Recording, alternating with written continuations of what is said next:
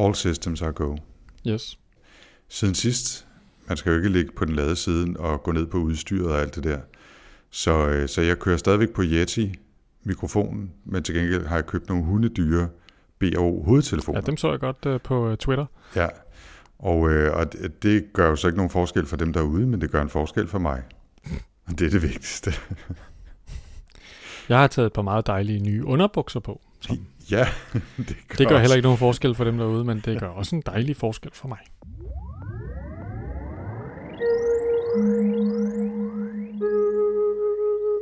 Velkommen til Sci-Fi Snak Med science fiction. og med snak Med Jens Jarl Poder. og Anders Høgh Nissen. Velkommen til. You're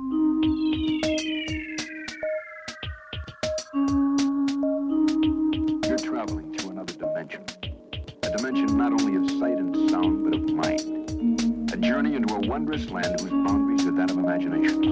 Your next stop, Sci-Fi Snak.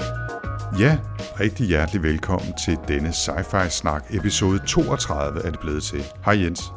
Goddag, goddag. Velkommen til. Det er øh, en gammel bog, som jeg valgte sidste gang. Øh, den er faktisk fra 1953. Den hedder More Than Human og er af en forfatter, der hedder Theodore Sturgeon. Havde du hørt om ham, Jens? Aldrig nogensinde. Og nu er der garanteret nogle øh, faste sci-fi snaklyttere, der sidder og tager sig til hovedet. Men altså, Ja, jeg, havde, jeg havde heller ikke hørt om ham stort set før øh, fire sekunder inden, at jeg så valgte den her More Than Human. Men det kan vi vende tilbage til. Før vi kaster os ud i snakken om den bog, så skal vi lige have den sædvanlige omgang med lidt øh, opfølgning fra sidst.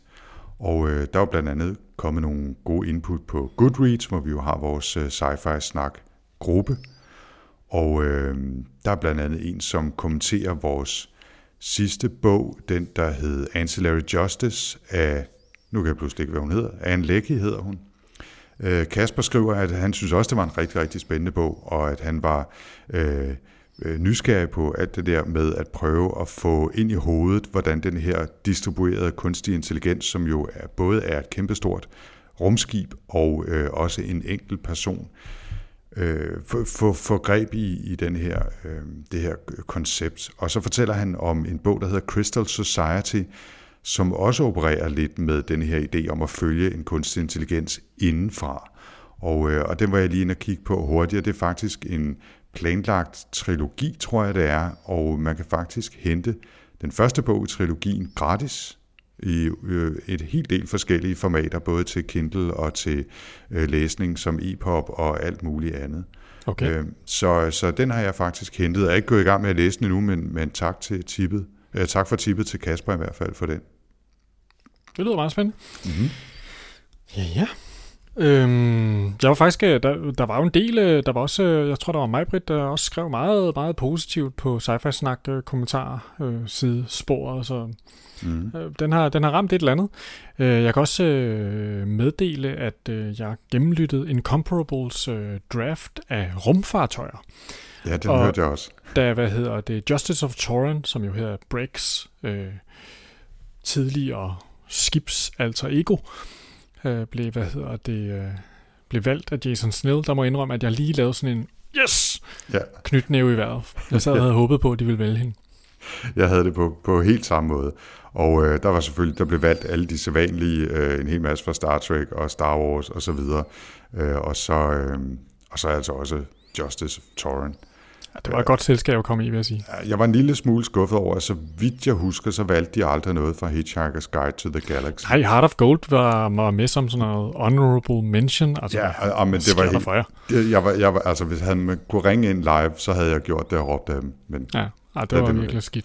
det kan være, vi Så skal synes lave jeg også, at der, var, dag. der blev al- snakket alt for meget om de øh, etiske problemer i øh, Justice of Torin, og altså, øh, samtidig var der nogen, der valgte dødstjernen, uden at der overhovedet var nogen, der så meget som bekymrede sig om det. Ja, det er helt, helt tosset.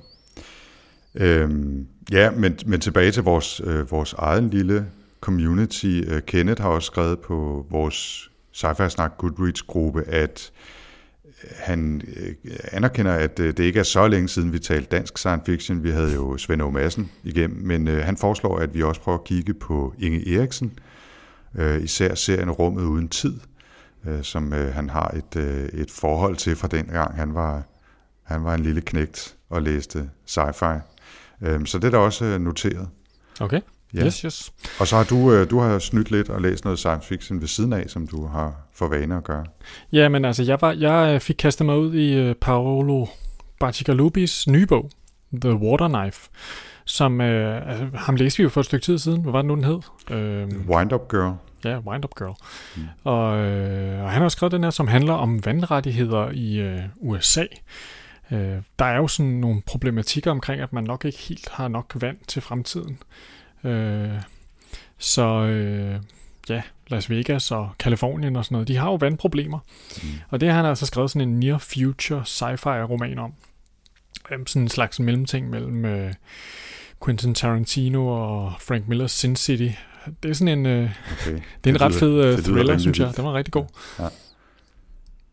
Det lyder fedt. Mm. Øhm, det var, Wind Up Girl var jo også en fantastisk bog. Ja, jeg vil nok sige, jeg synes at måske, at uh, Wind Up Girl var lidt bedre på en eller anden måde. Jeg synes nu, at jeg, jeg, jeg vil nu også godt anbefale den her. Jeg gav den vist nok fem stjerner faktisk. Okay. Så det, det, det er vel anbefalesværdigt. Øhm, Du, får lige, du, du klarede det så godt før, Jens. Du får lige lov til at sige, hvad forfatteren hedder igen. Paolo Bacigalupi. Sådan. Ja, jamen, det er en af de få forfatternavne, jeg kan udtale korrekt. Okay. øh, men det, det gjorde du også godt. Jeg, jeg vil slet ikke kaste mig ud i det. Øhm, apropos øh, i øvrigt, hvad Kenneth skrev før om at læse science fiction tilbage i 1980'erne, så øh, tror jeg begge to, vi har nyt den serie på Netflix, der hedder Stranger Things. Ja, det var lidt af et sommerhighlight, vil jeg sige. Er, det må, Og, øh, er du blevet færdig med den? Ja, ja. Okay. Ja. Vi skal jo ikke spoile for meget, men det korte, det korte oprids er jo, at det er en serie, der handler om en flok øh, knægte, som lever i den her lille amerikanske by, og der foregår altså nogle virkelig mærkelige, overnaturlige ting, som har noget at gøre med et regeringsresearch-anlæg i nærheden, der foregiver at være sådan et øh, el- og varme- og vand-anlæg. Ikke? Og, øh, og det foregår, den foregår i, er det 83 eller 84? Det kan jeg ikke huske. Det er midt 80'erne i hvert fald. Og det er, øh, det er fantastisk godt ramt. Altså production design og stilen og den måde, de taler på og hele stemningen i det, det er fuldstændig som at træde ind i en blanding af øh, E.T. og Stephen King og X-Files måske. Øh, og der, der er øh, synthesizer-musik, og der er øh, cykler med, altså sådan nogle chopper-cykler, øh, Altså, cykler, de drøner rundt på, og øh, det er helt, altså det er lige i øjet, ikke? Ah, den er mega fed. Ja, Og også, øh, hvis du kigger på Netflix, så er der sådan en plakat, de har lavet, sådan ligesom sådan, den ligner fuldstændig sådan en 80'er filmplakat. Ja. ja, det er så fedt lavet. ja, Det, øh, og, og samtidig er den jo rigtig, rigtig, rigtig god. Øh, Ja, nu skal, Så- vi, skal, vi skal ikke spoil på for alle de meget. her spændende men- ting, som, øh, som man jo kan huske, hvis man er øh, i kommet vores, ud af på, 80'erne. på vores alder. Ja, Mm. ja den, den, den, altså, den er virkelig godt ramt. Altså, og det, men det er ikke bare nostalgi. Jeg har også indtryk af, at, øh, at øh, selv øh, børn og unge, som ikke er vokset op der tilbage for 40 år siden, øh, synes, den er spændende og skræmmende og, og fascinerende. Ikke? Men, øh, men det, den får lige den ekstra dimension, hvis man kan huske, hvordan det var at være teenager i, i 80'erne. Ikke?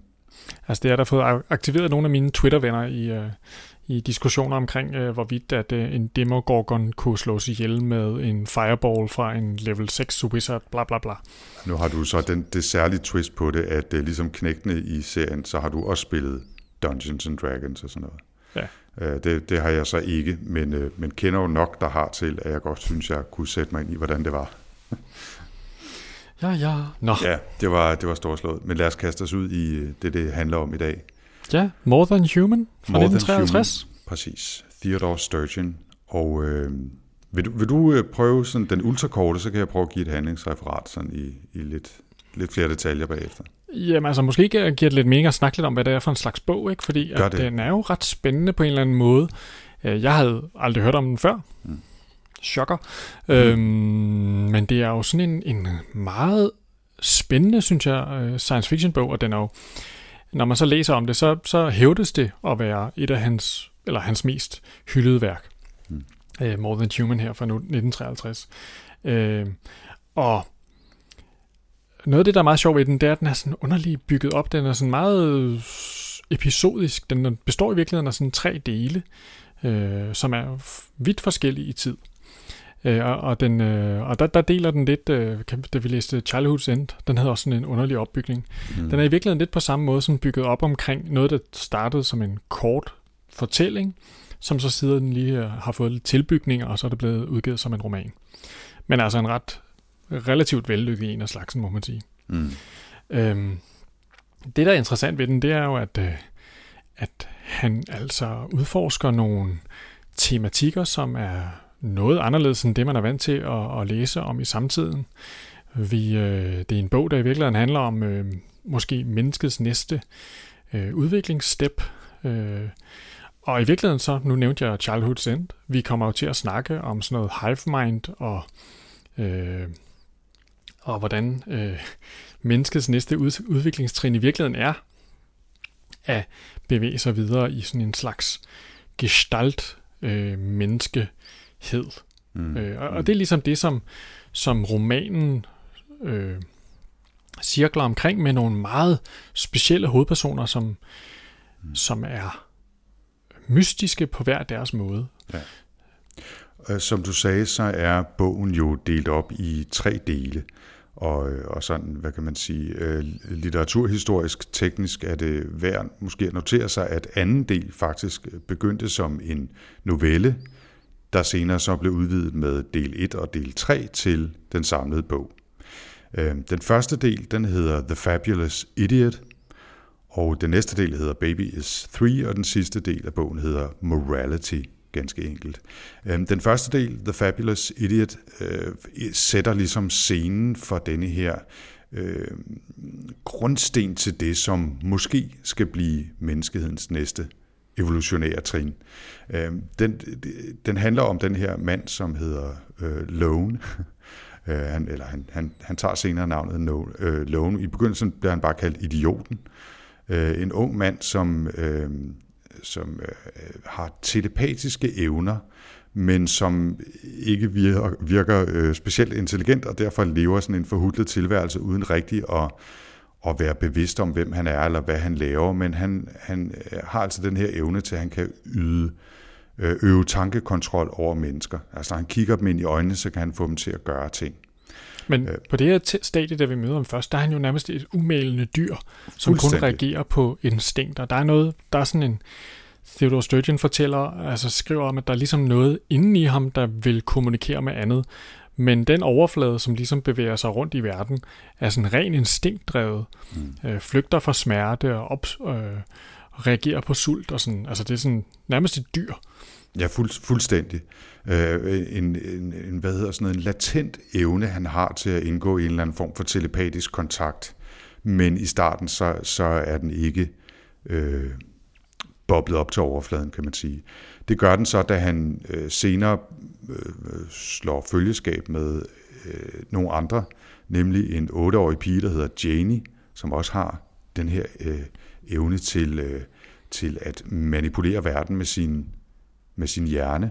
Og ja, så hun, et, et, øh, et sæt meget sære tvillinger, som hedder Bonnie and Beanie, øh, sådan nogle små nærebabyer, som ikke taler, men som kan teleportere til gengæld og som kan øh, og, og de indgår så i en eller anden øh, form for øh, forbindelse, altså Janie og, og Lone, øh, den 25-årige idiot, og så Bonnie and Beanie. Øh, og så kommer der den sidste øh, indtil videre afgørende komponent til på et tidspunkt øh, en, en baby, et lille barn, som også øh, kan kommunikere med, med de andre i den her øh, lille øh, fælles hjerne, og, og den her baby er, fungerer altså og kan nogle helt særlige ting, nærmest en slags, øh, en slags øh, internet inde i hovedet på en baby, som kan give dem viden om alt muligt, og hjælpe dem med at lave alle mulige beregninger og svare på alle mulige spørgsmål. Det er meget, meget mystisk konstellation af de der fem vidt forskellige mennesker, må man sige. Ja, altså, og, og det er sådan, altså, og sådan, vil det for, sådan forbliver det resten af bogen. Altså det er ikke sådan, at man på et tidspunkt tænker, ah, når det er sådan, det hænger sammen. Nå, godt, du lige nej, nej, det, det. Det bliver bare det postuleret, er, sådan er det. Det er bare sådan, som det hænger sammen. Mm-hmm. Og Janie, hun kan snakke med baby, de andre kan ikke snakke med baby, så hun er sådan en slags talerør for babys fantastiske beregninger, som kan lave de mest fantastiske ting, forudsige de mest fantastiske ting, altså som i orakelagtige forudsigelser. Mm. Øhm, Men det Ja. er, hvad hedder det, øh, men det er Lone, der ligesom er kroppen, eller den, der styrer den Ja. her gestaltvæsen, så han kan styre de to tvillinger og få dem til at gøre ting. Ja, det er meget indviklet. Øhm, men det er, sådan, det er sådan ligesom setup'et. Og Ja. de lever så ude i skoven i en hule. Ja, og, og, og, og ja, der foregår øh, nogle ting. Øh, øh, vi kan hoppe videre i historien. Vi vender jo tilbage til den her øh, gestalt øh, Øh, senere i bogen også selvfølgelig. Men, men øh, et langt stykke tid sad jeg og tænkte, hmm, hvor, hvor er det egentlig lige science fiction er henne i det her? Øh, men der kommer der så et, et, et lille et lille pip, et lille, et lille hip til, til sci-fi-genren, da det faktisk lykkes den her gestalt uh, hive mind at bygge en antityngdekraftgenerator. Uh, og den bruger de så til at hjælpe en, en bonde, som Lone har mødt, med at løfte en traktor op af mudderet, når den kører fast. Ja, og det er så ligesom det, det den bliver brugt til. Det er, øh, det er en meget, prakti- meget imponerende løsning på et meget enkelt problem. Ja, det må man sige. Det er øh, revolutionerende avanceret teknologi til at løfte en traktor ud af noget mudder. Men hey, det virker. Og meget sådan Maverick, eller hvad hedder det, øh, nej, hvad hedder det, MacGyver-agtigt, altså bygget ud af ting og sager, man lige kan finde ude i skoven. Ja, øh, skulle man nogensinde få behov for det, ikke? så skal man bare slå følge med øh, sådan en hive mind med nogle idioter og nogle teleporterende babyer og sådan noget, så kører den. Øh, men, men, øh, men så... det, det kan være, man måske lige skal sige her, fordi altså, det lyder sådan, nu, nu bliver vi sådan meget sådan, vi refererer meget bogen. Men i virkeligheden, altså det er jo ikke sådan en bog, man læser og sidder sådan ligesom og fører øh, protokollat over, hvad der sker. Og det, altså, mens man læser det her, så fatter man overhovedet ikke, hvad der foregår. Og hvad fortællingen er, den skifter hele tiden mellem hovedpersoner. Der er hovedpersoner, som, øh, som øh, bliver introduceret, eller der er i hvert fald øh, point of view fortæller, som bliver introduceret, og som bare forsvinder ud af historien igen. Mm. Øh, det er sådan, altså, det er lidt, det er sådan meget, man skal sådan lige være indstillet på, at det her, det er sådan, øh, det er ikke sådan, det er ikke en fed krimi, vel, på den måde. Nej, nej, det er, det er en meget speciel bog. Det er det helt sikkert. Og det bliver ikke mindre specielt, når man så kommer til del 2, den som hedder Baby is 3, og som faktisk oprindeligt var den novelle, der så gav anledning til hele bogen. Og der skifter vi fuldstændig og følger en ny hovedperson, der hedder Jared Thompson, som er sådan en øh, forældreløs knægt, som er vokset op i forskellige institutioner, som er blevet noget af en lømmel, for nu at sige det mildt.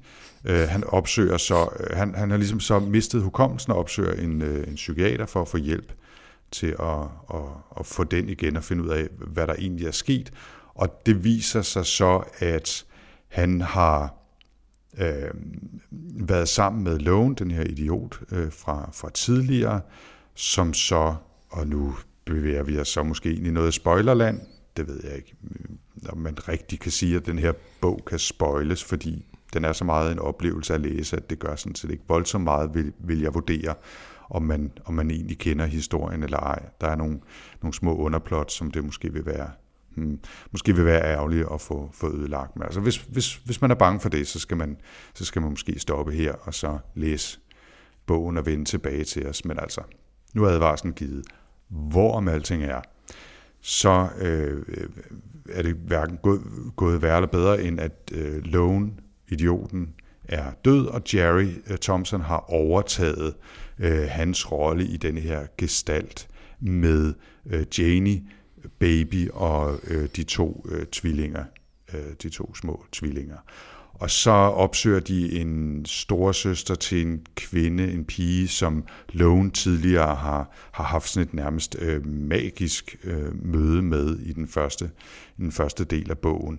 Og så øh, følger vi optrævlingen af, hvad der, hvad der så skete der, og hvordan, øh, hvordan de øh, den her øh, gestalt nærmest var blevet, hvad hedder sådan noget, øh, ja, de var, de var flyttet ind og, og, og, og var, var nærmest der at miste deres evner eller deres særheder og, og stikker Man kan sig sige, igen. de bliver jo, der sker jo det, at, øh, at de rykker ud af skoven, ikke? de Der bliver er domesticeret, det var det ord, Ja, jeg ledte præcis, efter. ikke? De, ja. Og så flytter de ind hos denne her øh, pebermø, som, øh, som jo begynder sådan ligesom at ville få sat lidt, øh, lidt hvad hedder det, styr på dem, ikke? Mm. Få dem sendt i skole, og det er ligesom sådan, øh, det er ligesom hvis øh, Peter Pan og, øh, og piraterne på Ønskeøen, de lige kom, øh, øh, på besøg hos Tante Sofie, så bliver de ligesom lige, øh, altså, de bliver, mm. de bliver afrettet. Øh, Ja.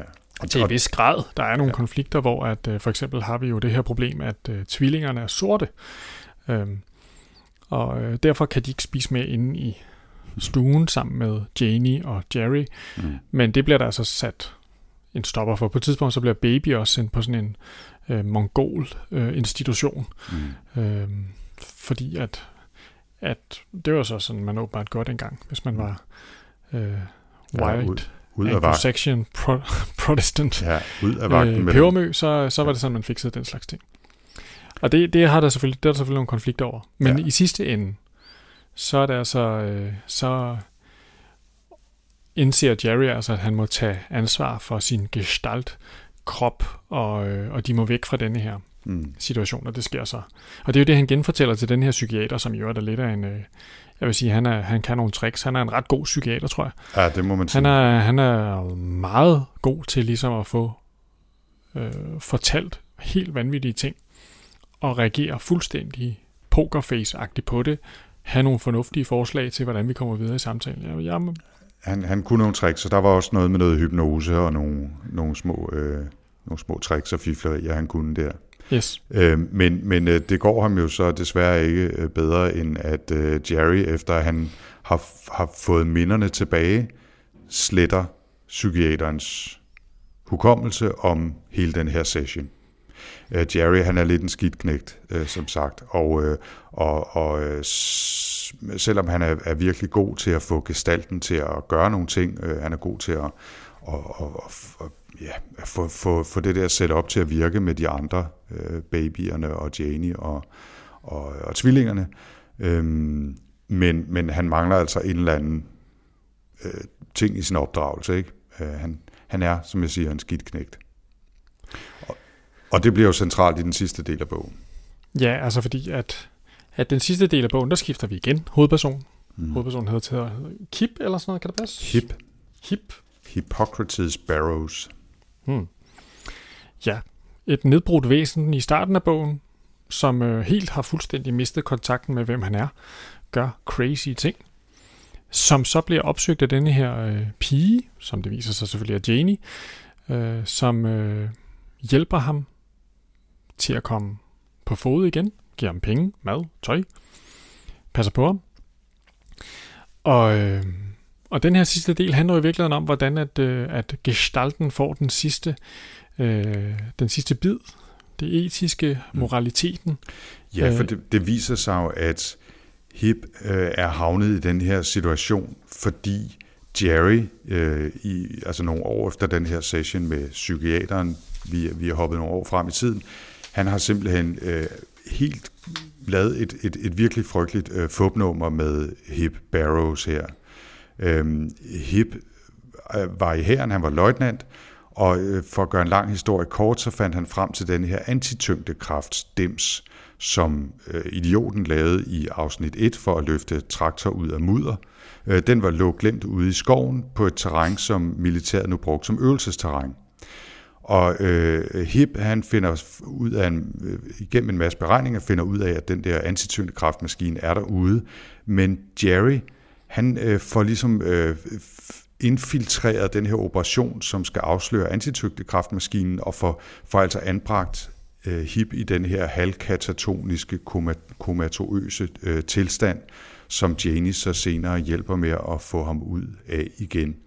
Øhm, og det fører sig frem til, da det, da det her bliver afsløret, at Hip øh, kommer til at tage endnu en rolle, hvor han også træder ind i den her øh, hive mind gestalt, men den komponent, der skal være det moralske eller det etiske aspekt, altså den dimension, som, som Jerry i virkeligheden mangler. Øh, Og her der er man lidt overrasket, synes jeg, på en eller anden måde, fordi, oh, ja, øh, fordi på det her tidspunkt, der har man egentlig sådan lidt vendet sig til, at øh, hvis man skal være en del af den her ges- gestalt, så skal man enten kunne lidt telekinese, ligesom øh, Janie kan, eller lidt telepatiske evner, ligesom Jerry, eller teleportere. mm. Øh, det, det forekommer mig ikke, at ham hip, han kan nogle af de her ting. Altså, det ingen kan han ikke. superkræfter. Det, det kan han ikke. Nej, ikke på den måde, men han, han jeg, jeg forestiller mig ligesom, at han opdager, at han kan være sådan en slags antenne for dem, eller en som, som altså en passiv linse, som kan forstærke nogle af deres ting, samtidig med, at det farver deres evner. Og det han farver det med, kan man sige, øh, i, i min tolkning her, det er altså en, en fornemmelse af moral eller etik, altså hvad de kan gøre og hvad de bør gøre. Altså øh, installere en eller anden form for komponent af netop af moral eller etik i denne her gestalt. Og, øh, og det peger sig frem mod øh, en, en, en fremtid, hvor de ser sig selv som øh, et menneskehedens næste skridt på evolutionens stige, men det, som han så kan sørge for HIP, det er, at de ikke ser sig selv som supermennesker eller overmennesker, der bare betragter de almindelige, ikke telepatiske, kinetiske eller porterende mennesker som, som undermennesker eller nogen, som vi, vi bare kan efterlade i støvet, men altså, at vi øh, Øh, at den her gestalt kan se sig selv som, som, som nogen, der kan hjælpe resten af menneskeheden og, og vise vejen frem i virkeligheden, hvis man sådan skal opsummere det kort. Det var min tolkning af, hvor den sådan slutter henne, og hvilke perspektiver øh, de sidste øh, kapitler trækker. Ikke? Jo, jo, og der er jo det her element af, at de ligesom øh, kommer i en eller anden form for virtuel kontakt med en endnu større gestalt. Altså det her med, at deres gestalt er ikke sådan slut. Det er sådan bare et molekyle, som kan indgå i den helt store organisme. Mm. mm. Klar, der fik jeg lige slået til min mikrofon. Ja. Øh, så jeg fakter, fægter med armene, øh, mens jeg fortæller. Øh, og, og det, det er sådan, altså, så, så vi har i virkeligheden sådan lidt en childhood, uh, childhoods end slutning med, med det her med, at uh, vi går fra at være individer til at være sådan en stor netværksorganisme igen. Det er sådan, mm. også på sådan en lidt underlig uh, mytisk model, synes jeg. Som, nu kan jeg ikke huske, hvornår Childhoods endte fra. Øhm, men det er sådan cirka samme tid, ikke? Der øh, efter, efter krigsårene. Men altså ja, altså det, ja, det... Øh, den er også fra 53. Faktisk. Okay, så de har simpelthen siddet og skrevet Arthur C. Clarke, ja. Og det, der er sjovt, ikke, er, er netop de der paralleller, som handler om, at, hvad kan man sige, øh, psykologien og psykiatrien, nogle af de ting, man opdager der, øh, hjerneforskning, der måske for alvor begynder øh, at tage nogle, nogle skridt der, ikke? altså influere på det, der bliver elementer i science fiction. Det er ikke i store gåseøjne kun noget med raketter og atomkraft og robotter. Det er også noget med, hvad der foregår inde i mennesket øh, og vores Altså, der er jo, det er jo sådan noget proto-hippie-agtigt noget, det her i virkeligheden, ikke? Altså, forestilling om noget større, noget, noget spirituelt, noget, øh, jeg får næsten lyst til at sige, øh, The Force-agtigt, ikke? Øh, at, at der er nogle kræfter i universet, som, som kan løfte os op på det næste skridt. Øh, at vi har et, et udviklingspotentiale, ikke? Og igen her, der har vi sådan noget, altså der, der ligesom i Childhood's End, der er det jo nogle børn med magiske kræfter, der på en eller anden måde bliver, øh, og nogle, nogle væsener, som på en eller anden måde ikke rigtig passer ind, mm-hmm. som bliver det her springende punkt. Altså det er meget, ja, på den måde er der sådan lidt en, lidt en lighed, men altså, mm man skal heller ikke gøre det mere ens. De to bøger er i virkeligheden synes jeg, at læse. læse læsemæssigt meget forskellige. Helt sikkert, men, men det, det er sjovt, at der er nogle strukturelle ligheder imellem. Ikke? Også den der opbygning øh, af tre dele, som er meget forskellige, som foregår på forskellige tidspunkter. Øh, de arbejder med nogle af de samme tematikker trods alt, og så at de kommer samme år, det, det var fuldstændig gået hen over hovedet på mig, men det synes jeg er lidt fantastisk, at to så, så øh, må man sige, klassiske science fiction, i hvert fald science fiction-agtige bøger, øh, kommer lige der i den tid. Ikke? Mm. Øh, jeg, jeg samlede, øh, nej lad os lige, lad os lige tage, øh, før vi tager øh, Theodore Sturgeon, jeg har samlet et par lidt sjove øh, trivia-bidder om ham, øh, men, men lige øh, måske opfriske teknologierne i, eller det der minder om teknologier, science fiction elementerne i, i bogen her. Altså der er jo den her distribuerede bevidsthed, øh, gestalten, som vi, som vi siger, ikke den her blanding af øh, idioten, Janie, Baby og de to tvillinger, senere Jerry og så altså øh, Hip til sidst. Øhm, øh, i, I bogen bliver det omtalt som bleshing, altså en blanding af blend og mesh, at, at deres bevidstheder øh, blander sig sammen og forbinder sig i sådan en slags øh, netværk. Øh, og det, det synes jeg er meget sjovt over, ikke? Bleshing. Øh, det, er Ja. meget, det er meget godt set. Det virker på en eller anden måde moderne, synes jeg. Øh, Det er ikke noget, der sådan er særlig sådan... Altså, det er ikke sådan noget, man føler særlig meget, når man sidder og læser bogen. Der synes jeg egentlig bare, at det er nogle individer, der render over. Altså, selvfølgelig er Baby helt speciel, fordi han kan kun kontaktes gennem Janie. mm, Øhm, han er jo sådan i virkeligheden sådan en slags øh, skæg øh, tidlig eksempel på sådan en... Jeg, jeg kom til at tænke på sådan en mentat fra June, altså den her mm, øh, bevidsthed, som nærmest kan fungere øh, som en ren øh, computer. Bare der kommer en masse data ind, så kommer der en masse beregninger ud. mm. Virkelig en power-autist, altså. Mm. Øhm, og så øh, hvad hedder det, er det jo meget sjovt, apropos øh, gestalt, øh, som det er det udtryk, der bliver brugt om, det, om den her gruppe af, af tele, teleporterende og, og telepaterende øh, mennesker. Øh, det bliver jo også brugt i, i den bog, der hedder The Rook og, og Stiletto, efterfølgeren, som vi vist kort omtalte sidst, øh, hvor det så er en, en gruppe af fire, der er, er sådan en, en hive mind, som, øh, som er i, i den bog. Det synes jeg også bare var meget sjovt. Ja, det var meget interessant, fordi den gang jeg læste den første gang, der havde jeg ikke læst den her bog, der var jeg slet sådan, ej, det var fandme godt fundet på. Mm. Men, men så var det må, måske ikke helt så godt fundet på alligevel. må ikke, han har snuset, lidt. snuset lidt til den her. Mm. Øh, Så er der selvfølgelig telekinese, øh, telepati, øh, teleportation, som vi har talt om, og så den her antityngdekraftsmaskine. Men det er øh, i den, jeg vil ikke sige den i den bløde ende nødvendigvis, men det er ude i en ende af et eller andet spektrum i hvert fald, hvis vi ser på, hvad vi ellers har haft med af science fiction-agtige teknologier. Øh, altså der er jo det her antitygtekraft, det er jo sådan rimelig hard science på en eller anden måde. Ja, ja, men det, altså, det bliver jo kun brugt som sådan en slags MacGuffin. Altså, Fuldstændig. Ja. Altså ellers er, så er det jo sådan noget psyko.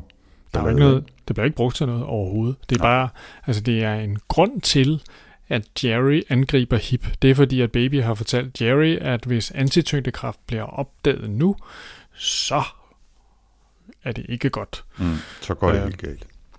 Men derudover, så, så bliver det jo ikke, altså det er ikke noget, vi, vi, vi har ikke fede flyveture med antityngdekraft, eller Nej, nej, det vildeste. spændende, altså der, det bliver ikke sådan på den måde udfoldet ud i verden, Nej, nej, eller nej. perspektiverne i antityngdekraft bliver overhovedet ikke udforsket.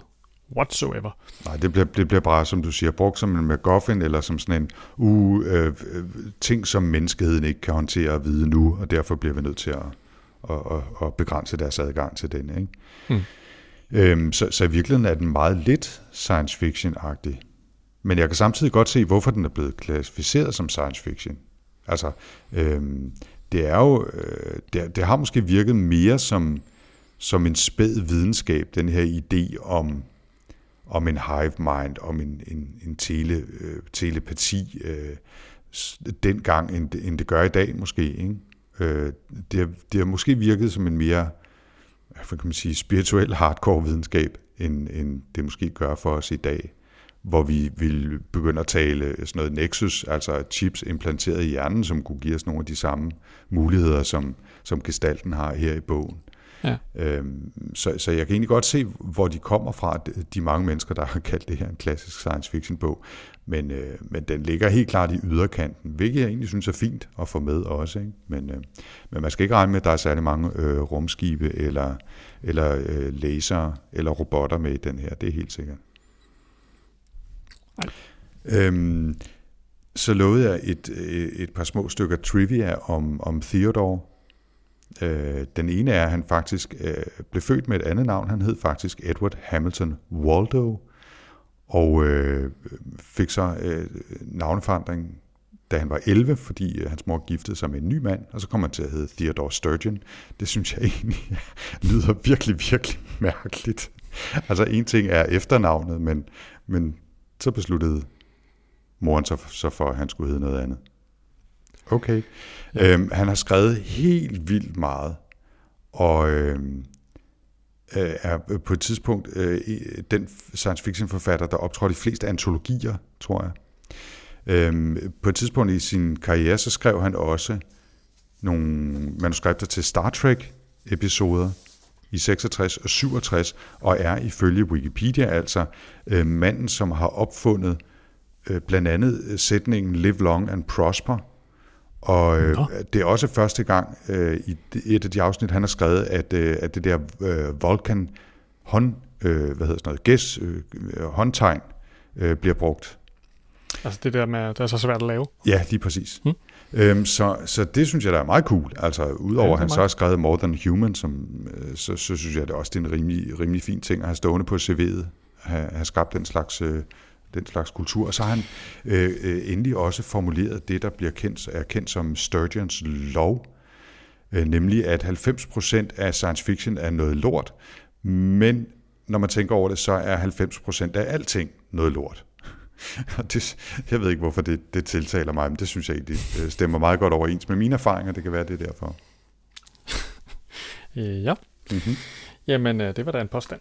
Øhm, skal vi snakke lidt om, hvad vi synes om bog? Det synes jeg da, vi skal. Ja. Øh, altså, jeg har jo, jeg var ret revet med. Og øh, måske var en af grundene til, at jeg var virkelig revet med, at jeg simpelthen synes, at første afsnit, de første tre-fire linjer i bogen, jeg ved ikke, hvad det var, men jeg synes, de var så godt skrevet, at jeg med det samme fik en fornemmelse af, at det her vil være en oplevelse at læse, uanset hvad. Øhm, og det, øh, jeg synes egentlig, det holdt rigtig godt, og selvom den også er forvirrende, og man en gang imellem tænker, hvad fanden er det egentlig, der foregår her? Specielt de første 8-10 sider af afsnit 2 og 3, hvor det pludselig er nogle helt andre fortællinger, øh, man befinder sig i. Der er man virkelig på herrens mark. Men jeg synes, den var en, en kolossal læsemæssig oplevelse, en stor, stor litterær præstation i virkeligheden, så jeg har givet den fem stjerner. Ja, fem stjerner. Mm-hmm. Jamen altså, jeg er fuldstændig ombord. Øh, jeg har også givet den 5 på Goodreads. Altså, jeg synes simpelthen, at, øh, at det her var en kæmpe læseoplevelse. Jeg synes, jeg var vildt overrasket over, at man kan læse en bog, der virkede så moderne, som var fra 1953. Altså, Mm-hmm. jeg synes, den minder meget om sådan noget Haruki Murakami, øh, som i virkeligheden gør. Altså, japansk forfatter, som skriver sådan noget magisk realisme, skråstrej sci-fi. Øh, nogle gange har han nogle sci-fi ting med. Men altså sådan lige, øh, sådan lige 30 år før, ikke? Øh, er nogle af de bøger, som jeg sådan rigtig godt kan lide af, af ham. Altså, det, det, der sker mystiske ting, men de her væsener, altså det der i virkeligheden også er fedt, det er at hans, hans karakterer er jo fascinerende. Altså, øh, altså Lone er jo et spændende væsen at, at følge. Altså det, det er nogle, de, de, de, de er udbygget i deres psykologi. Altså jeg synes, jeg, det, det, det er jo sådan en, en ægte roman. Altså det, det må man sige. Jamen, det er helt, helt afgjort. Altså, hvis man ikke kaldte det her science fiction, og øh, så, så kunne man sælge den langt bredere, er jeg sikker på. Og man kunne, man kunne også skære den der antitygtekraftmaskine ud, og måske skrue en lille smule ned for, for det der med menneskehedens næste evolutionære trin i sidste afsnit, og så var der ikke en, altså, nogen, der ville blinke ved, at man bare præsenterede det her som, jeg havde nær sagt, ægte litteratur.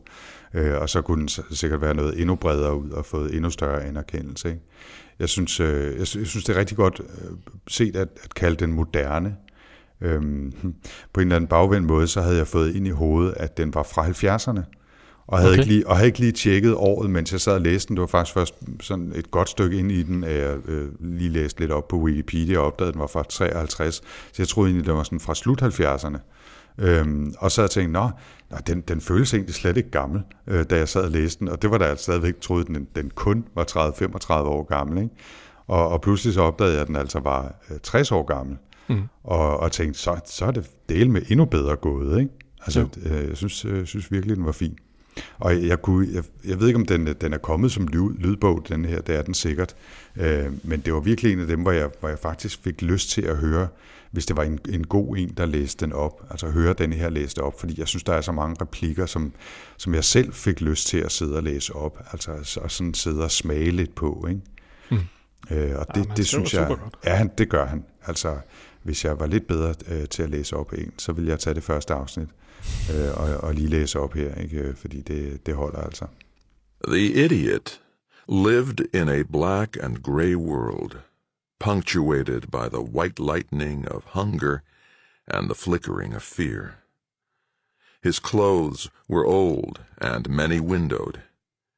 Here peeped a shin bone, sharp as a cold chisel, and there in the torn coat were ribs like the fingers of a fist. He was tall and flat. His eyes were calm, and his face was dead. Men, øh, men Så- to, to gange fem stjerner, det er jo, det er jo bonus.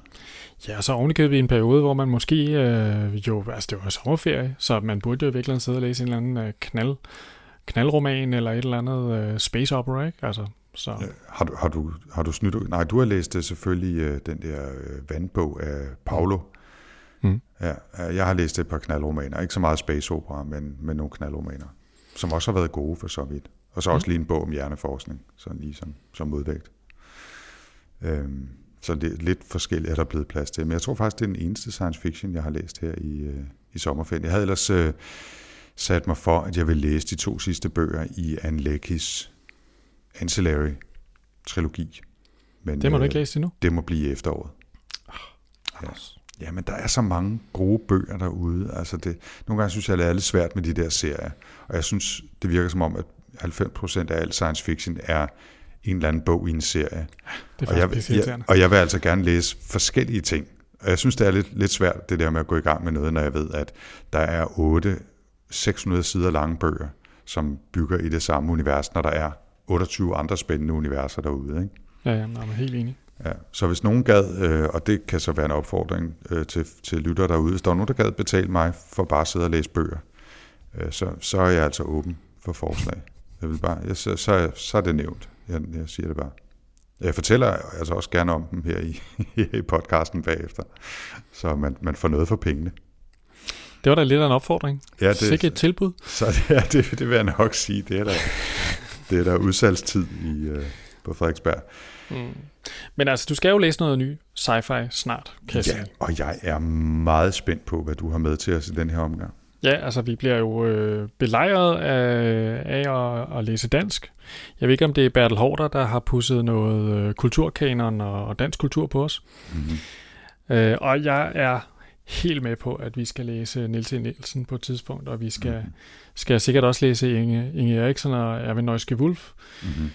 Men jeg skal lige have Svend Aage lidt mere på afstand. Øh, Det er stadigvæk lidt, øh, lidt for tæt på. Jeg, jeg har stadigvæk sådan lidt, hvis jeg tog fat i en nu, så ville jeg have det sådan lidt som følelsen af at gå i gang med at læse lektier til dansk time. ja, Så, det- så jeg, er altså gået, jeg er altså gået lidt klassisk. Øh, vi skal til 1961. Ja, Øh, det er den første sci-fi-roman, øh, der nogensinde kom ind på New York Times bestsellerliste. okay. Der er tale om en roman, der introducerede vigtige ting som vandsengen, og øh, begreb, øh, begrebet af grokkenåde øh, blev også introduceret i den her.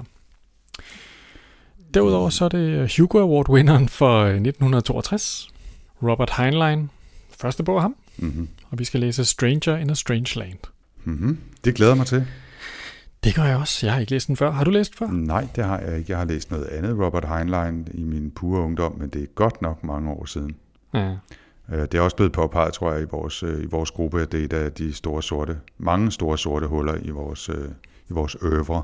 Oh, altså, vi, har har kun, altså vi er kun ved Sci-Fi Snak 32 i dag, og næste gang bliver 33. Vi kan jo altså ligesom ikke have været hele verden igennem. Nej, det kan, det kan vi ikke nu, men vi, vi kommer det snart.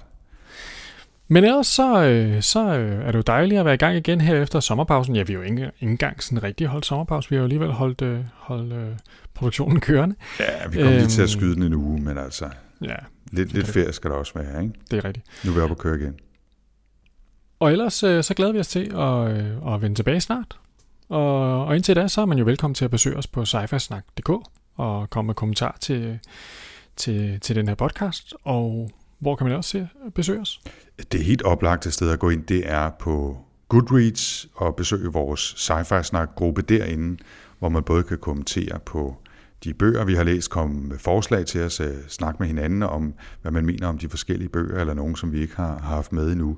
Øh, det er nok der, hvor der er mest aktivitet og mest øh, dialog, og øh, også et sted, vi holder jævnligt øje med for at få inspiration til, øh, hvad for nogle bøger vi skal læse. Øh, både øh, til podcasten her og, og sådan for hyggens skyld ved siden af. Det er der jo heldigvis også plads til stadigvæk. Øh, men næste gang er det altså Robert Heinlein, det glæder jeg mig meget til. Og Mm. så øh, høres vi ved jo om en 3-4 ugers tid, og ses i mellemtiden inde på Sci-Fi Snak og på Goodreads. Yes, og jeg har lyst til at sige her øh, til slut, nobody puts baby in the corner. Ha' det godt, Jens. Vi ses du. Hej.